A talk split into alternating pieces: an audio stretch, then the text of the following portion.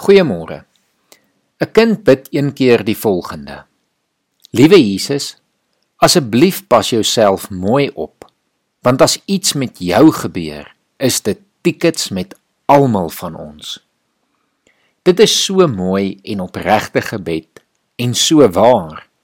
Maar dit is gelukkig niks waaroor ons ooit bekommerd hoef te wees nie.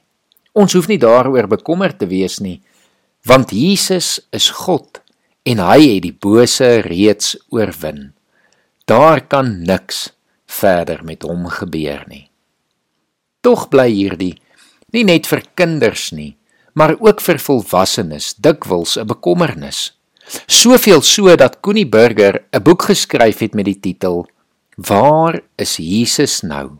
Om 'n antwoord te bied op ons behoefte om te verstaan, maar wat het van Jesus geword? Na sy opstanding en hemelvaart.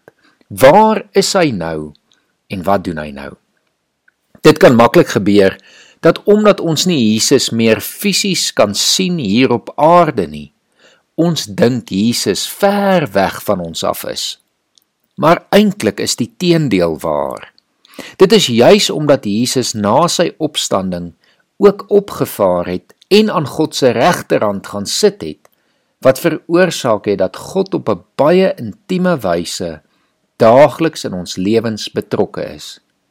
Jesus het self in Johannes 14 en 16 vir die disippels verduidelik dat hy moet weggaan sodat die Gees kan kom. Hy het die weg oopgemaak en die Heilige Gees na ons toe gestuur sodat die Gees by ons kan wees en ons daagliks kan lei. Jesus is dus by ons deur sy gees. Jesus regeer as koning aan die regterhand van God die Vader, maar hy het ons nie alleen op aarde gelaat nie. Sy gees woon nou in ons. Sy gees help ons om die koning se opdragte hier op aarde uit te voer. Verder is Jesus steeds ons hoëpriester wat vir ons volgens Romeine 8 steeds daagliks intree by God die Vader. Dit is eintlik 'n baie intieme gesprek wat plaasvind tussen God die Vader, die Seun en die Heilige Gees, waar die Gees al ons behoeftes met versigtiging sonder woorde wat ons kan verstaan aan Jesus en die Vader oordra.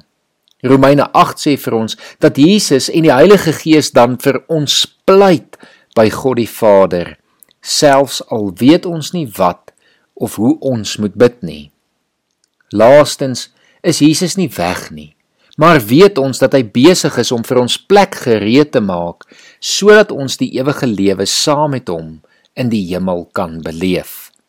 Maar selfs al is hy nou besig met hierdie taak, kan ons weet dat hy vir ons beloof het in Matteus 28 vers 20 dat hy elke dag by ons sal wees tot die volëinding van die wêreld.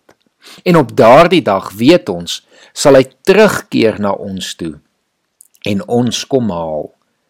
Miskien is die mees gepaste reaksie dan op vanoggend se oordeenking om soos Openbaring ons leer te sê: Kom Jesus, kom. En wanneer ons dit sê, kan ons weet dat vers 21 vir ons waar is. Die genade van die Here Jesus sal by elkeen van julle wees. Kom ons bid saam. Here, dankie dat ons kan weet U is by ons. U is deur die Gees in ons. En Here, ons is nooit alleen nie. Here, mag U vandag by elkeen wat luister wees en mag ons bewus wees van U teenwoordigheid in ons lewens. Amen.